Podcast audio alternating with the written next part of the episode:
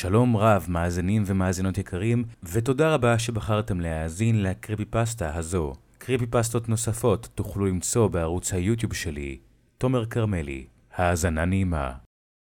השם שלי הוא קסנדרה, ואני יכולה לראות את העתיד. אני בטוחה שכמה מכם עכשיו מגלגלים עיניים בחוסר אמון, וזו הפואנטה עם השם שלי. אף אחד לא מאמין לי. וכמו קסנדרה מהמיתולוגיה היוונית, אני רואה טרגדיות שעתידות להתרחש. לקח לי זמן עד שהבנתי שאני שונה. בהתחלה לא הצלחתי להבין את פשר החזיונות שלי. הם היו מחרידים, דברים איומים חלפו לנגד עיניי. ואז, כשהתחלתי להבין שהתמונות האלה הם לא מציאות, הנחתי שלכולם יש את אותם חזיונות שקרו גם לי.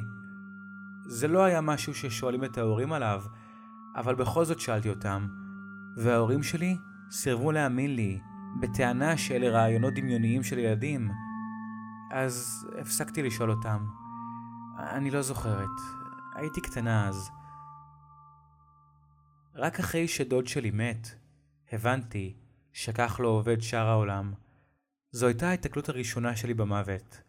אבל היה לי חיזיון.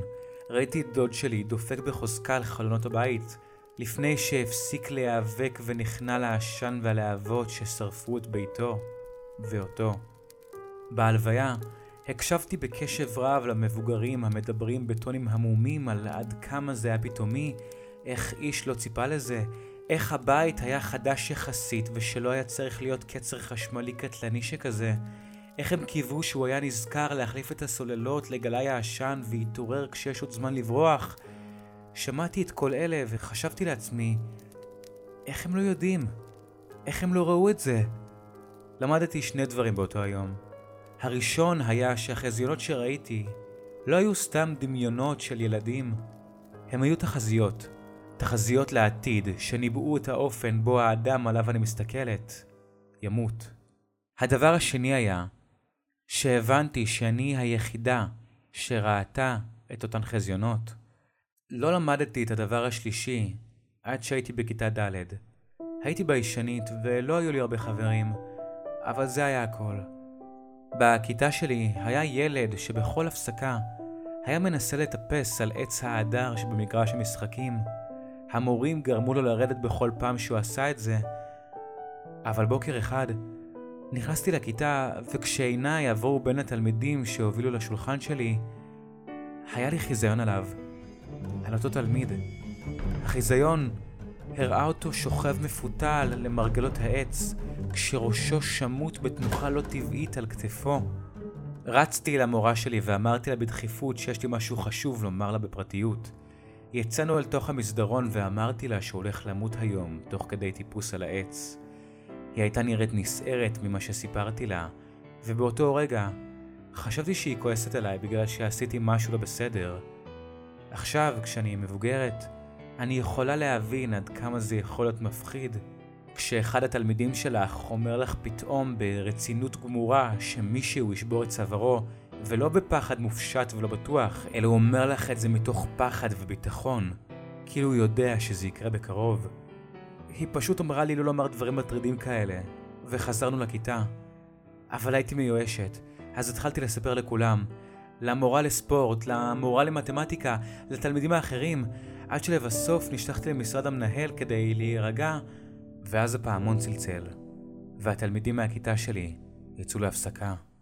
בזמן שישבתי ובכיתי במשרד המנהל כשהוא מנסה להסביר לי בעדינות שאין ממה לפחד, אותו תלמיד טיפס גבוה יותר מבדרך כלל.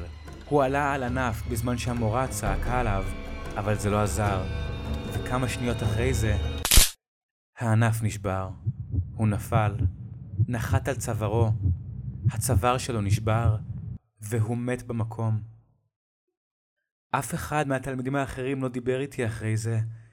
הם זכרו איך אמרתי להם שהוא ימות, ואז הוא באמת מת. המורים התייחסו לה בזהירות, כאילו הייתי נחש, מחכה להקיש. היו לי פגישות עם היועץ, קראו להורים שלי, והפכתי להיות זאת שבריונים מציקים לה, תלמידים היו צוחקים עליי או משתתקים כשעברתי במסדרונות. באחד הימים, מישהו אפילו שפך לי בקבוק סודה שלם על הארונית שלי. אז זאת הייתה הקלה כשעברתי מהמשפחה שלי למדינה אחרת. יכולתי להתחיל מחדש. אבל אז למדתי את הלקח השלישי שלי, לא לספר דבר לאף אחד. אף פעם לא אמרתי למישהו שהוא הולך למות, וסבלתי בשקט. ראיתי את הדברים הנוראים האלה, וידעתי כשאני נפרדת ממישהו, זו הפעם האחרונה שאראה אותם חיים. לדוגמה, כשתלמידה בבית הספר החדש שלי החלה את הטיפול בלוקמיה, לא אמרתי לאף אחד על כך שהכימותרפיה לא תציל אותה, והמוות שלה זעזע את כולם, שקיוו לשווא שהיא תחלים. אבל לפחות הם לא כעסו עליי או שנאו אותי על זה. אני מניחה שהסיפור שלי היה יכול להסתיים בנקודה הזאת. יכולתי להישאר קסנדרה השקטה והממורמרת, שנגזר עליה לצפות מהצד, אך מעולם לא תהיה מסוגלת לפעול בעניין. אבל זה לא איך שהסיפור שלי נגמר. לפני שנה, אספתי מישהו ברכב. עבדתי כנהגת עבור אפליקציית נסיעות, וברגע שהוא נכנס לרכב, היה לי חיזיון בו הוא מתפתל במושב האחורי, גופו נוקשה, פניו אדומות והוא מתנשף בכבדות. יכולתי לראות את זה כשהסתכלתי במראה האחורית מבעד לחלון האחורי שלי. גם ידעתי מתי זה יקרה. זה יקרה אחרי שנרד מהכביש המהיר ממש רגע לפני שנגיע ליעד שלו. בערך 25 דקות מעכשיו, עד שהוא יקבל התקף לב. הייתי מודאגת כשהתחלנו לנסוע. הוא ניסה לנהל איתי שיחות חולין אבל שתקתי. לא ידעתי מה לומר. זה לא היה משנה לי אם זה ישפיע על הדירוג שלי. הוא הולך למות בכלל לפני שהוא יספיק לדרג אותי כוכב אחד.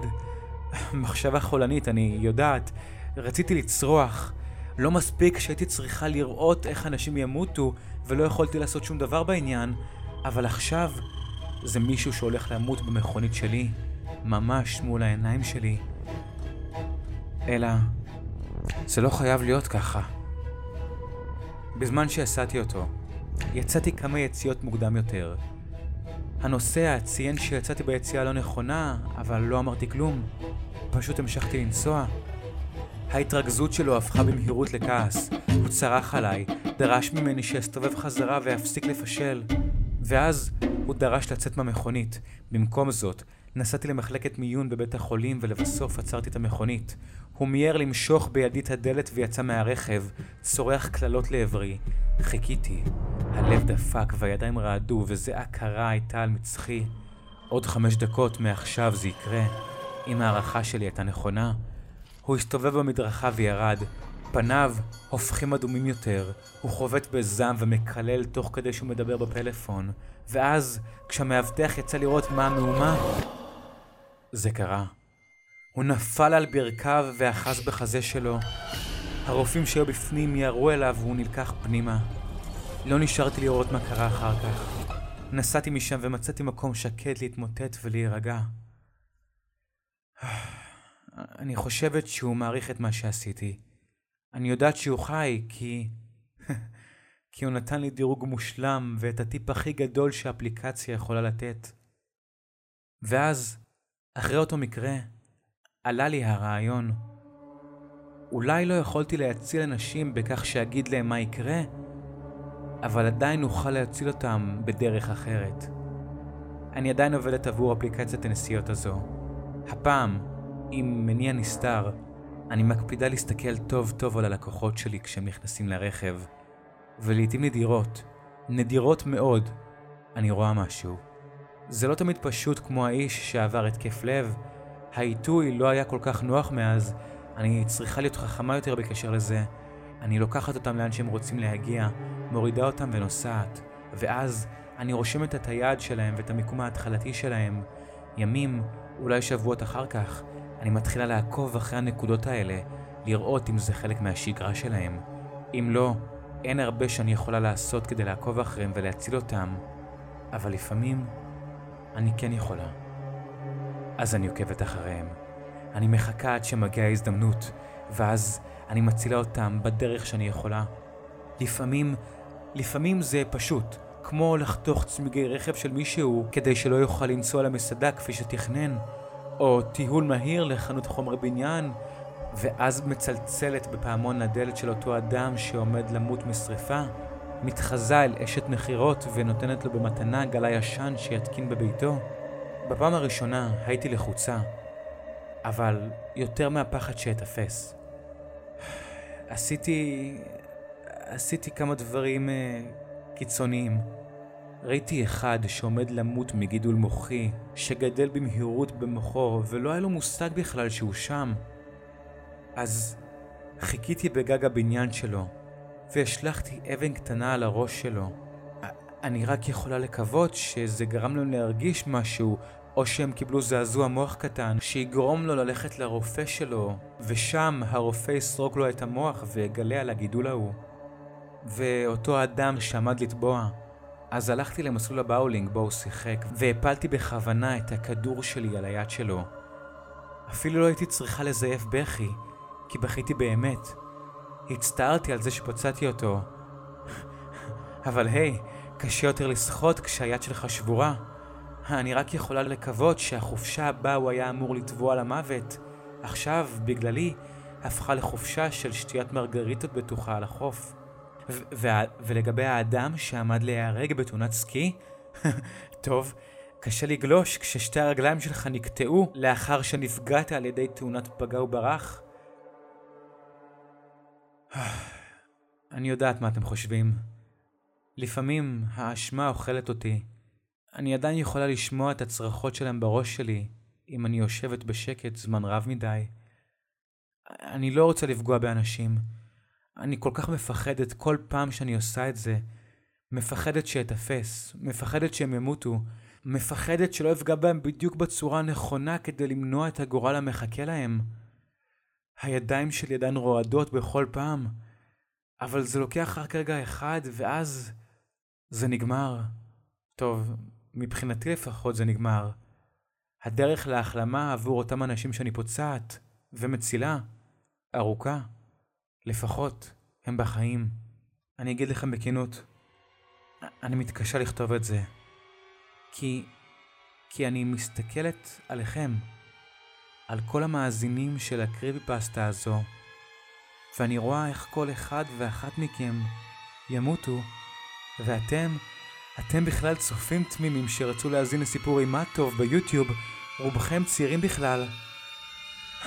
בכל מקרה, זה לא הדבר היחיד שמפריע לי לכתוב את זה, אלא גם הצרחות שאני שומעת עכשיו מהמרתף שלי, מפריעות לקו המחשבה שלי.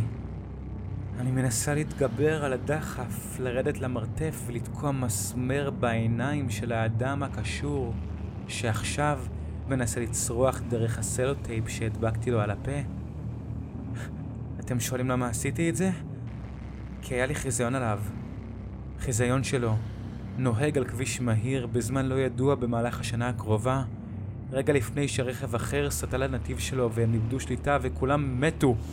תבינו, כל המשפחה שלו הייתה אמורה להיות איתם ברכב. אני, אני, אני, אני לא יכולה לאפשר את זה. זה דבר נורא. לראות את הדקות האחרונות שלהם, את הפחד והייאוש. חייתי עם זה כל חיי. אתם יכולים להאשים אותי שרציתי לעשות משהו כדי לעצור את זה? לגרש את החסרונות הנוראים האלה שאיתם אני חיה? להציל מישהו במקום להעמיד פנים שהכל בסדר וללכת לדרכי? לדעת את מה שאני יודעת? הלוואי והם יוכלו להבין מה אני מנסה לעשות למענם. אבל אני קסנדרה, ואני יכולה לראות את העתיד, ואני שונאת כל שנייה מזה. אני לא רוצה את ההערצה שלכם. לא אכפת לי מהכעס שלכם. אני רק רוצה שתבינו. אם אי פעם דרכנו ייפגשו, לא משנה מה אני אעשה לכם, אני עושה את זה כדי להציל אתכם.